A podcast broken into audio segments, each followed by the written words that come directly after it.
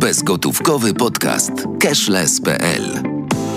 Tu znajdziesz najważniejsze informacje na temat bankowości elektronicznej, płatności mobilnych, zmieniających się regulacji, bezpieczeństwa transakcji i nowych technologii, a także wydarzeń popularyzujących obrót bezgotówkowy. Swoją wiedzą na łamach cashless.pl dzielą się eksperci, doświadczeni dziennikarze, pasjonaci technologii.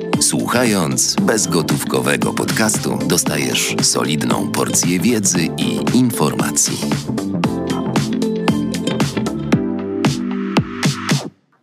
Witam Państwa w kolejnym odcinku bezgotówkowego podcastu Cashless.pl. Ja nazywam się Piotr Dziubak, e, jestem redaktorem serwisu Cashless.pl i z moimi gośćmi chciałbym dzisiaj porozmawiać o ESG, a właściwie o tym, czym ESG nie powinno być. Tytuł dzisiejszego odcinka brzmi krytycznie o ESG. A moimi gośćmi są Justyna Piszczatowska, redaktorka naczelna Green.pl, portalu zajmującego się kwestiami ochrony przyrody. Dzień dobry. Klimatu i czystej energii. Dzień dobry. Dzień dobry. Oraz mm, Andrzej Budasz, osoba zajmująca się w banku BNP Paribas sprawami zrównoważonego rozwoju. Dzień dobry. Dzień dobry. I może zaczniemy od pana Andrzeja, tylko jeszcze wyjaśnimy, co właściwie oznacza ESG. To skrót od angielskich słów e, Environmental, Social and e, Corporate Governance, odwołujący się do czynników wpływających na finansowe oceny działalności przedsiębiorstw. Mi e, kojarzy się to z dawnym skrótem CSR. Panie Andrzeju, czy ESG czymś różni się od CSR, czy jest to po prostu nowe, modne określenie tych samych działań, które już znamy?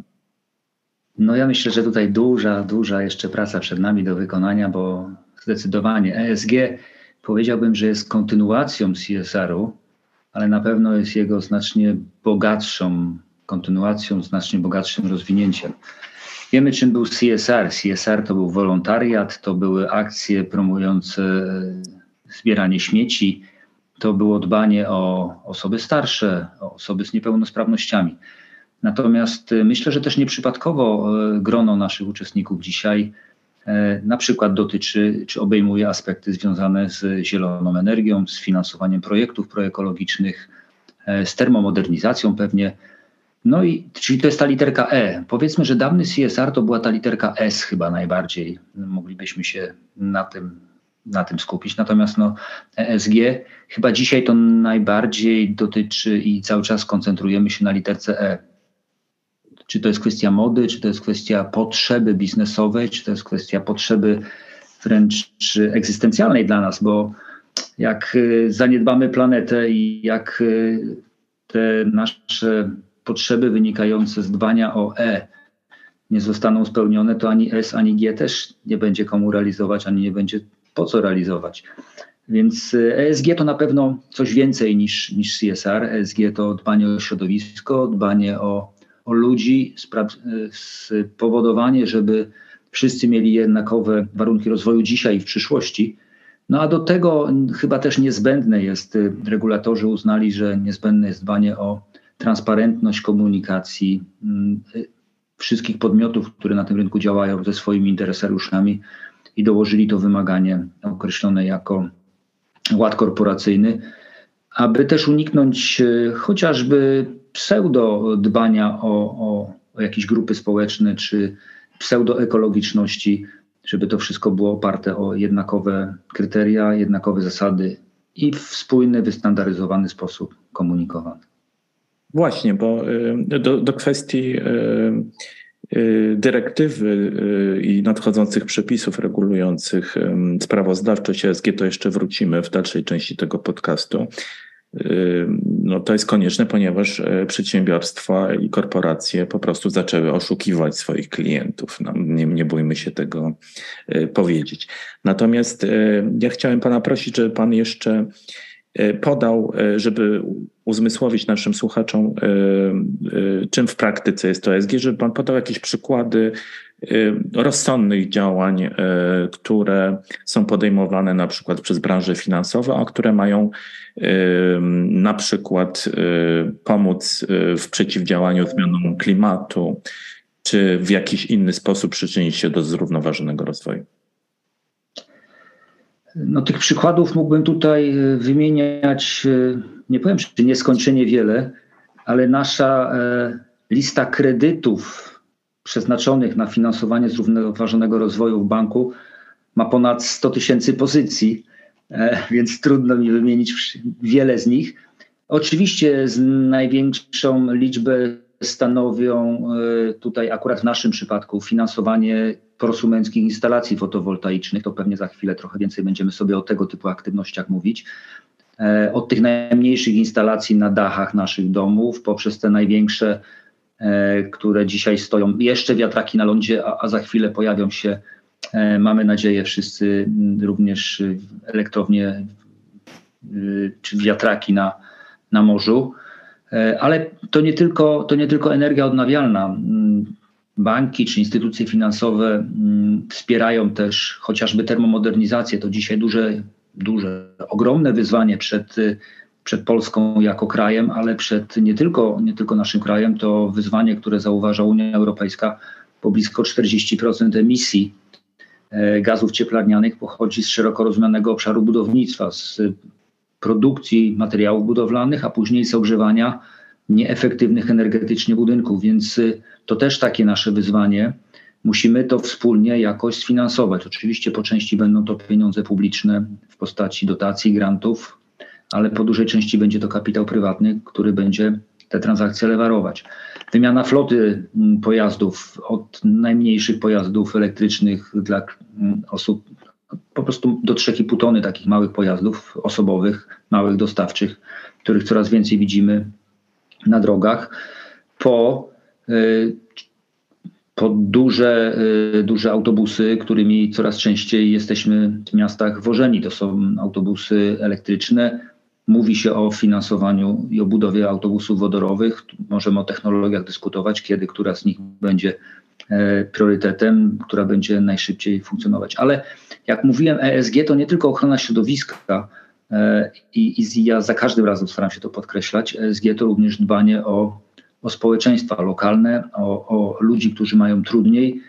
My na przykład uwzględniamy również finansowanie e, ochrony zdrowia szeroko rozumianej jako zrównoważonej, bo wszystkim nam powinno zależeć na tym, żebyśmy jako społeczeństwo, czy społeczeństwa w skali globalnej e, cieszyli się lepszym zdrowiem, mogli w dłuższej perspektywie dość dobrze spędzać czas tutaj, tutaj na Ziemi. To również dbanie o edukację, to pilnowanie tego, e, żeby osoby, którym jest trudniej, na przykład takie osoby, które tworzą spółdzielnie socjalne, nie nastawione na zysk, tylko na zagwarantowanie im godnych warunków do życia, a, a jednym z godnych warunków życia to jest też godna praca, możliwość e, realizacji siebie, możliwość zarabiania pieniędzy na, na swoje potrzeby. Więc również w tym obszarze staramy się szeroko, szeroko działać i tego typu e, przedsięwzięcia finansować. A kiedy BNP Paribas e, ogłosiło, że przestaje finansować inwestycje związane z branżą węglową?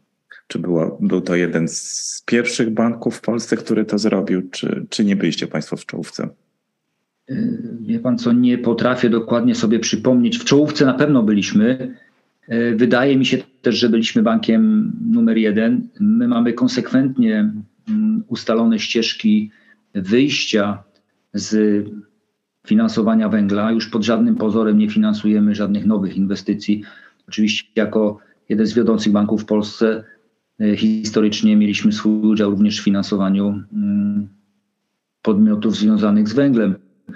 E, dzisiaj staramy się z tych inwestycji pomału wychodzić, a z naszymi klientami pracować w taki sposób, że żebyśmy ich ukierunkowywali na inwestycje w źródła odnawialne, bo chyba wszyscy zdajemy sobie sprawę z tego, że węgiel, gaz, inne źródła kopalne jeszcze przez jakiś czas z nami będą, ale ten czas chyba mm, z roku na rok wydaje się, że, że to będzie coraz, coraz krócej. Justyna, może ty pamiętasz, jak to jest z finansowaniem inwestycji węglowych przez sektor bankowy? Y, więc mogę potwierdzić, że BNP Paribas był jednym z pierwszych y, w Polsce banków, które zapowiedziały, że y, z finansowania nowych projektów węglowych się wycofują. I rzeczywiście krok po kroku na przestrzeni ostatnich lat obserwujemy, jak w zasadzie wszystkie obecne w kraju banki komercyjne złożyły już jednoznaczne deklaracje, że więcej nowych, nowych projektów bazujących na węglu finansować nie będą. Jeśli chodzi o sektor państwowy, to, to jest nieco inaczej te, te deklaracje jasne nie zostały złożone, ale z drugiej strony nieformalnie e, wiadomo, że, e, że finansowania e, kopalń czy nowych bloków węglowych już w Polsce nie będzie, dlatego że nawet jeśli ktoś nie ma tego w swojej polityce, no to wiadomo, potem na rynku międzybankowym instytucje finansowe muszą wychodzić po finansowanie na własne potrzeby. I na tym rynku międzynarodowym, e, tam finansowania czarnych projektów już się jako takich nie robi. Więc można powiedzieć, że pewien etap w historii polskiego sektora finansowego, jeśli chodzi o tą naszą nawęgloną gospodarkę, bo warto zaznaczyć, że nadal, mimo wszystkich tych wypowiedzi przedstawicieli banków, jak bardzo wspierają transformację. Cały czas mamy 70% energii elektrycznej z węgla, w związku, w związku z czym mm, no, tego nie da się zmienić e, z dnia na dzień, ale każdy krok w tym kierunku e, jest bardzo ważny. Kolejnym takim etapem, myślę, będą e, instytucje ubezpieczeniowe, które już dzisiaj no, zaostrzają warunki finansowania wszystkich e, projektów opartych na paliwach kopalnych, dlatego że są to projekty obarczone coraz większym ryzykiem. Chodzi nie tylko o ryzyka e, takie stricte finansowe, ale również mm, duże instytucje muszą wyceniać e, te ryzyka skutków zmian klimatu, więc to wszystko jedno na drugie e, się nakłada. Unia Europejska również e, no, jednoznacznie pokazuje, w jakim kierunku e, zmierzamy, jeśli chodzi o regulacje. Więc mogę powiedzieć, że moim zdaniem, podsumowując to wszystko, moim zdaniem nowa elektrownia węglowa w Polsce nie mogłaby już powstać po prostu. Mhm. Ja jeśli mogę, to dołożyłbym tylko e, do kompletu, e, do tego podsumowania, że jeszcze są fundusze inwestycyjne, które również podlegają wymogom raportowym i muszą informować o tym, e, jakie mają składy portfela oczywiście i ile z ich inwestycji jest przeznaczonych na inwestycje, czy to o takim bardziej miękkim charakterze proekologicznym czy prospołecznym, a ile już na takie klasyczne, my to nazywamy ciemnozielone, inwestycje ewidentnie poprawiające, jak gdyby, czy redukujące, redukujące ślad węglowy i, i negatywne skutki inwestycji dla środowiska. I też muszą to raportować, jest pod to odpowiednie rozporządzenie unijne. I broniąc banków, jeżeli jestem przy głosie, przepraszam, to my jesteśmy gotowi, żeby zdecydowanie więcej finansować tych inwestycji. E, tu pewnie jest grupa takich dwóch, trzech banków, do której my się zaliczamy, które, które liderują w finansowaniu tego typu projektów. Wyzwanie mamy oczywiście, jak na przykład z wiatrem na lądzie, gdzie no, inwestorzy są, też, też jest tych inwestorów sporo, tylko trudno znaleźć, znaleźć właściwe miejsca. Tak? Widać, jak chociażby rozwija się fotowoltaika, która nie ma ograniczeń na razie jeszcze, choć już e, zmiana przepisów w zakresie planu zagospodarowania przestrzennego e, być może będzie generować jakieś ryzyko i ograniczenie do również tych, tych źródeł, źródeł energii. I też być może jakiś dołek inwestycyjny się nam po drodze przytrafić. Justyna, ty od wielu lat piszesz o, y, o energetyce. Powiedz z Twojej perspektywy, które z działań y, y, ogłaszanych przez biura PR dużych korporacji związanych z produkcją czy z wytwarzaniem energii to czysty greenwashing, a które Twoim zdaniem mają sens?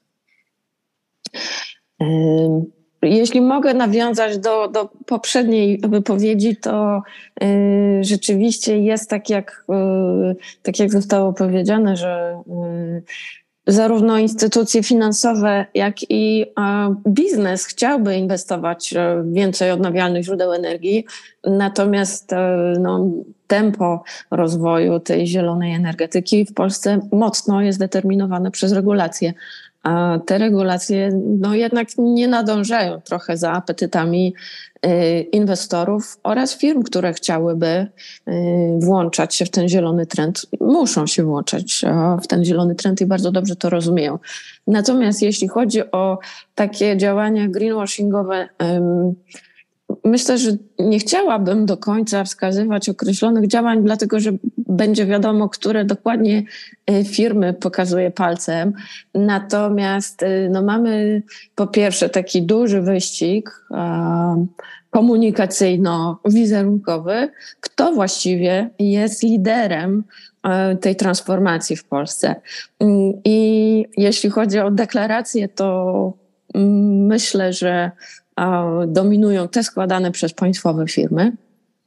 Natomiast y, takimi czarnymi koniami y, są firmy prywatne, które rozwijają ogromne portfele projektów, zarówno wiatrowych, jak i fotowoltaicznych, i myślę, myślę, że w przyszłości będą miały do odegrania również wiodącą rolę jeśli chodzi o, o transformację i redukcję emisji. Ale mm, jednym z takich działań jest na przykład to, że wszystkie firmy, które dzisiaj budują, planują budowę e, bloków gazowych, bo tych bloków gazowych na obecnym etapie niestety też nie możemy uniknąć, dlatego że e, przechodzenie z węgla na wiatraki no niekoniecznie, jest, e, niekoniecznie jest proste, w takim dużym uogólnieniu mówiąc. Natomiast wszyscy, którzy e, dzisiaj planują tak zwane gazówki, mówią, że one będą przystosowane do spalania wodoru, czyli hydrogen ready, no jest to greenwashing i mus, muszą tak powiedzieć, e, żeby móc w ogóle uzyskać finansowanie dla swoich projektów, dlatego że banki również nie mogłyby wyłożyć dzisiaj pieniędzy na spalanie gazu. Ale jeśli ktoś planuje, że w przyszłości, jeżeli tylko będzie taka technologia bezemisyjna, no to bardzo chętnie się na tę technologię przestawi. Rzecz w tym, że ta technologia y, nie jest dzisiaj wodorowa, nie jest dzisiaj y, na rynku dostępna. Również nie ma takich ilości wodoru, żeby móc zapewnić stabilne dostawy mm, dla elektrowni czy elektrociepłowni. Ale mało tego, eksperci branży energetycznej mówią, że w ogóle mm, budowa odnawialnych źródeł energii, które zaśliłyby hydrolizery, które wytworzyłyby wodór po to, żeby go później zmagazynować, dostarczyć do elektrowni i tam dopiero spalić, jest procesem w swoim założeniu tak nieefektywnym, że w ogóle nigdy nie powinna mieć miejsca.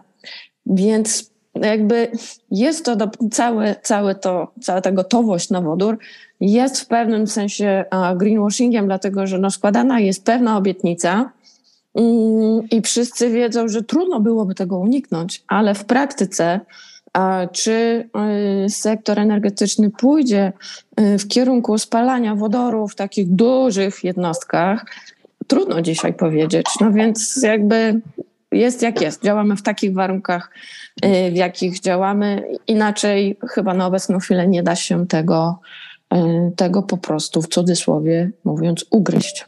A ja zapytam y, jako laik, czy na przykład kontrakty PPA to jest, mają sens? Przecież ten prąd w sieci jest nieoznaczony, tam jest ten prąd węglowy. Jak ty to podchodzisz do tego zagadnienia?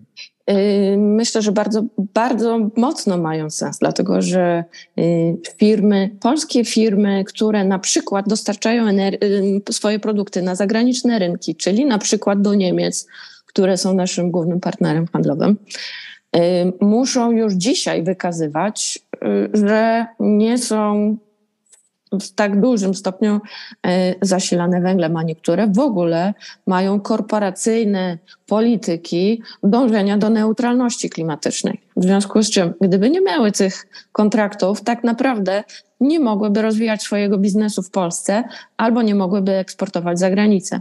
No ale de facto mm. zużywają ten e, prąd wytwarzany z węgla, prawda? Tak, ale na końcu jest to wsparcie dla odnawialnych źródeł energii, dlatego że y, podmiot, który y, no jest, mamy PPA, to jest kontrakt między odbiorcą zielonej energii, a firmą, która buduje na przykład farmę słoneczną i ją potem eksploatuje y, na określonych warunkach finansowych.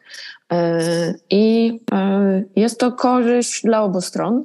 I deweloper OZE również zyskuje dostaje stabilne warunki y, sprzedaży tej energii, dzięki czemu może potem y, dużo łatwiej ubiegać się w banku mm, o finansowanie.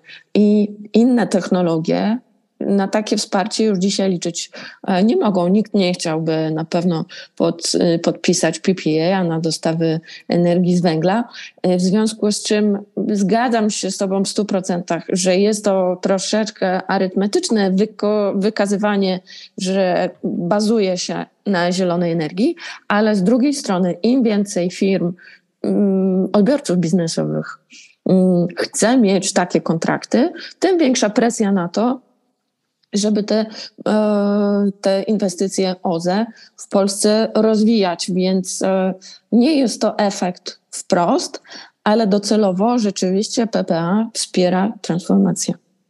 Ja bym tutaj dołożył może ja jeszcze jedną rzecz. Do Pana mam pytanie związane właśnie z greenwashingiem. Czy na przykład wydanie karty y, z dzikiem na przykład, to jest y, plastikowej karty z dzikiem, to jest działanie korzystne dla klimatu, czy nie? Czy to jest greenwashing? Czy, czy, czyli które, które Pana zdaniem e, działania e, w branży finansowej są bardziej mm, nastawione na, na komunikację, czyli na przykład więcej środków przeznacza się na rozreklamowanie jakiegoś produktu niż na rzeczywiste działanie y, proekologiczne z tym związane, czy prospołeczne. Okay. Jeśli mógłbym na chwilę zawiesić to pytanie, na które oczywiście za, za moment odpowiem, ja tylko w uzupełnieniu jeszcze PPA, tam jeszcze dochodzi sprzedawca energii.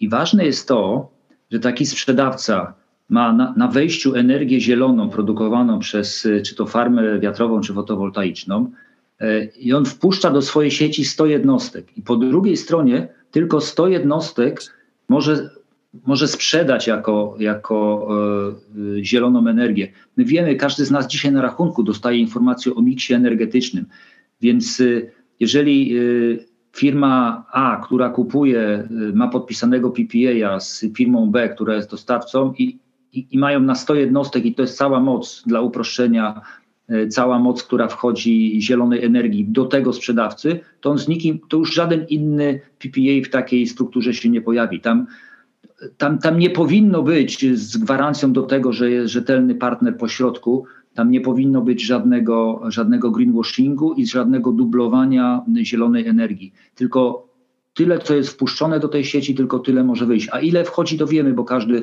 każdy dystrybutor E, ma obowiązek trakowania, mm, trakowania e, zielonej energii, czy struktury energii w ogóle w sieci i, i źródeł, z których ona powstaje. Teraz wracając do pytania, ja myślę, że, że kluczowe w greenwashingu jest nie to, co my sprzedajemy, tylko jest, ważne jest to, co my mówimy, że sprzedajemy i czy próbujemy, bo dzisiaj niewątpliwie e, bycie zielonym, bycie eko, bycie prospołecznym to jest to, to, ma być atrybut, to ma być przewaga konkurencyjna. Więc czy, czy karta z dzikiem jest y, greenwashingiem? Nie jest, jeżeli nikt nie mówi, że karta z dzikiem jest, jest zieloną kartą, tak? Ja uważam osobiście, że karty płatnicze chyba coraz mniej są potrzebne, bo właściwie możemy się ograniczyć do kart wirtualnych i, i, i całkiem elektronicz, i całkowicie elektronicznego obrotu. Więc y, gdyby ktoś powiedział, że wydaje kartę ekologiczną z dzikiem, to ja bym zapytał, czy na pewno się zastanowiłeś, czy musisz w ogóle tą kartę wydawać. Może ekologicznie byłaby karta, która tylko na telefonie by się wyświetlała jako karta z wizerunkiem dzika, choinki, czy nawet elektrowni, wiatr, elektrowni węglowej, która byłaby zwirtualizowana do, do postaci elektronicznej. Więc dla mnie kluczowe w ocenie tego, czy coś jest greenwashingiem, czy nie, jest odniesienie się do tego, w jaki sposób to jest komunikowane potencjalnym odbiorcom i czy, to, czy na tym firma próbuje zbudować e, jakieś dodatkowe wartości, komunikację, przesłanie e, i czy w jakikolwiek sposób wprowadza, e, bądź może komunikat ewentualnie wprowadzać w błąd. No wiemy o, ty, o tych przepisach, które niedługo zaczną obowiązywać dotyczących greenwashingu. Wiemy, że w, na początku tego roku Urząd Ochrony Konkurencji i Konsumentów wszczął nawet y, postępowania wobec, zdaje się, ośmiu firm, który, wobec których uznał, że być może y, wprowadzały w błąd swoich klientów, deklarując prośrodowiskowe działania czy właściwości produktów, więc y, tu system się jakoś broni. Ale przejdźmy w tym skrócie ESG do kolejnej literki bo to nie tylko y, środowisko, ale też te działania prospołeczne, o których Pan mówił. Mm, ja chciałem powiedzieć, że y, my co, y, że portal Cashless.pl co roku przygotowuje taki ranking instytucji finansowych wspierających Y, dbających o równość społeczną i zawodową osób LGBT i chciałem pogratulować, bo BNP Paribas jako jedyna instytucja w Polsce uzyskał 100 punktów, czyli maksimum, maksymalną liczbę punktów w tym rankingu. Y, państwu się to udało jako jedynym po raz pierwszy. Gdyby, gdyby Pan mógł doradzić, jak, y, jaką politykę prowadzić wewnątrz instytucji, aby ona stała się przyjazna y, z punktu widzenia tych wartości równościowych. I tutaj trudno doradzać, bo jestem raczej odbiorcą tego, co w firmie powstaje i myślę, że tutaj koleżanki koledzy, czy to z działu HR, czy my mamy nawet taką funkcję, jest, jest osoba dedykowana, e, aby dbała tylko o równość wśród e, interesariuszy, głównie pracowników i naszych partnerów więc y, temu na pewno e, bardzo dużo mm, czasu na to poświęcamy. Nawet wczoraj mieliśmy spotkanie kadry menedżerskiej, gdzie dyskutowaliśmy właśnie o naszym dekalogu, e, o, o, wartościach. Troszeczkę też żeśmy się wewnętrznie pochwalili właśnie nagrodami, o których Pan wspominał. E, ja myślę, że to jest kwestia, nie wiem jak użyć, jakiego polskiego określenia użyć takiego mindsetu, że to, to, to wszystko idzie z góry. I to nie myślę z góry, bo, bo grupa nam każe, bo, bo w grupie gdzieś w Paryżu ktoś coś wymyślił. Ja bym śmiał twierdzić, że to nawet e, być może my to wcześniej robiliśmy, jeszcze będąc w innych strukturach właścicielskich. E, zawsze byliśmy taką firmą, w której się wszystkim chyba dobrze pracowało. E, pewnie nie jesteśmy wolni od niepożądanych zachowań, no bo w grupie ponad 8 tysięcy pracowników naszej organizacji pewnie gdzieś zawsze znajdzie, może się zdarzyć taka sytuacja, której byśmy sobie nie życzyli, bo wiele od tego, bo, bo wiele zależy od ludzi. Ale dla mnie najważniejsze jest to, że, że te nasze wartości, one są naprawdę wspólnie dzielone y, przez, y, przez wszystkich pracowników, współpracowników. Ja mogę mówić trochę ze swojego doświadczenia, że praktycznie nie zdarzyło mi się żeby gdzieś były kontestowane któreś z tych wartości, czy to na mniejszych, czy na większych forach. E, ludzie starają się jak mogą współuczestniczyć w różnych akcjach, które te społeczne równouprawnienie, równe traktowanie wspierają. Dla nas jest rzeczą normalną, e, że są osoby, które nie słyszą wśród pracowników, że są takie wśród klientów, że trzeba im pomóc, że instalujemy w tym przypadku pętle indukcyjne, że inwestujemy bardzo dużo środków, żeby urządzenia samoobsługowe, y, wpłatomaty, bankomaty były dostosowane do obsługi osób, które mają ograniczone zdolności poznawcze, w sensie słabiej widzą, y, czy, czy, czy w ogóle nie widzą, żeby osobom na wózkach łatwo było dostać się do naszych placówek jednym z naszych najważniejszych celów strategicznych, jednym z pięciu strategicznych celów w obszarze zrównoważonego rozwoju jest e, osiągnięcie przynajmniej połowy placówek e, z certyfikatem obiektu bez barier. może nie 100% w perspektywie 25 roku jego końca, ale, te, ale ta połowa placówek, żeby spełniała te wymagania podstawowe z naszej perspektywy, żeby, żeby wszyscy nasi klienci na równych prawach z naszych usług mogli korzystać. No, tych placówek będzie coraz mniej, prawda, bo, y, bo banki y, zmniejszają swoją sieć obsługi klientów, a stają się te e, oddziały bezgotówkowe, prawda, na początek, więc, więc ta usprawnienie automatów, o których Pan mówi, jest dosyć istotne z punktu widzenia osób, które nie dowidzą albo nie dosłyszą. Zapewniam, że pracujemy też nad licznikiem, a nie tylko nad mianownikiem w tym ułamku.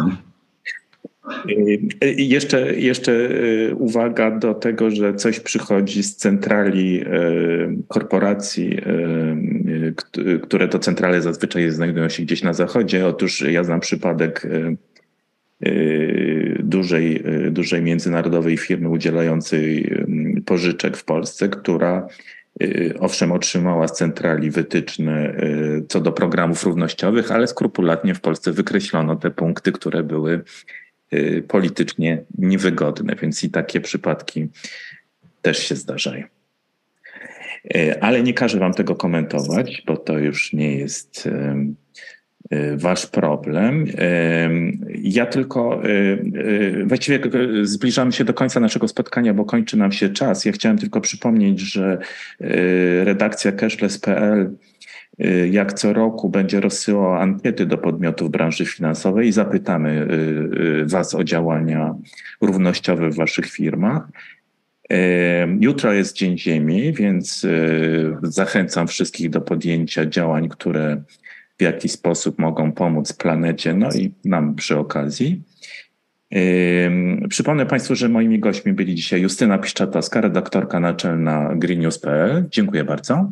Dziękuję i pan Andrzej Budasz, e, osoba zajmująca się e, zrównoważonym rozwojem w banku BNP Paribas. Dziękuję bardzo. Dziękuję bardzo. A ja nazywam się Piotr Dziubak i zapraszam Państwa do wysłuchania kolejnego odcinka bezgotówkowego podcastu Cashless.pl. Do usłyszenia.